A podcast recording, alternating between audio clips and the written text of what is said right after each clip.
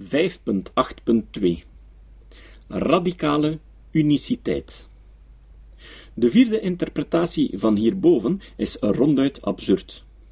Wie beweert dat we over de mens geen wetenschappelijke wetmatigheden kunnen vaststellen, en daar horen probabilistische wetten ook bij, ziet zich genoodzaakt om de hele psychologie, sociologie en economie in de prullenmand te gooien. Onze common sense psychologie, die we in onze dagdagelijkse omgang hanteren, zit bovendien vol met psychologische vuistregels en causale redeneringen, die we door onze ervaring hebben opgedaan. Haakjes open. Bijvoorbeeld, als ik iemand beledig, dan is de kans groot dat hij kwaad zal worden. Haakjes dicht. Het feit dat wetenschappers empirische wetten formuleren over de mens, of dat elk van ons voortdurend expliciete of impliciete kennis aanwendt om met anderen om te gaan, doet dan ook niets af van de uniciteit van elk individu. Vermits het eigen is aan elke vorm van wetenschap om empirische wetten en structuren te formuleren, is de omschrijving van de psychoanalyse als de wetenschap van het singuliere strikt genomen een contradictio in terminis.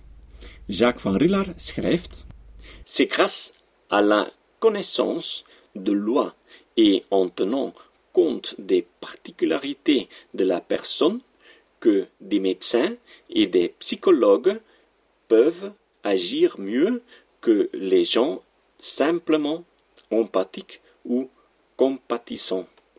Dit punt is in feite zodanig evident dat het op het eerste zicht moeilijk is om in te zien waarom bepaalde psychoanalytici het proberen te ontkennen. De reden is natuurlijk dat het hen een uitstekende gelegenheid biedt om de psychoanalyse te ontslaan van de verplichting om haar hypothesen over de structuur van de menselijke geest empirisch te onderzoeken en dat het hun theorieën zo immuun maakt voor wetenschappelijke weerleggingen.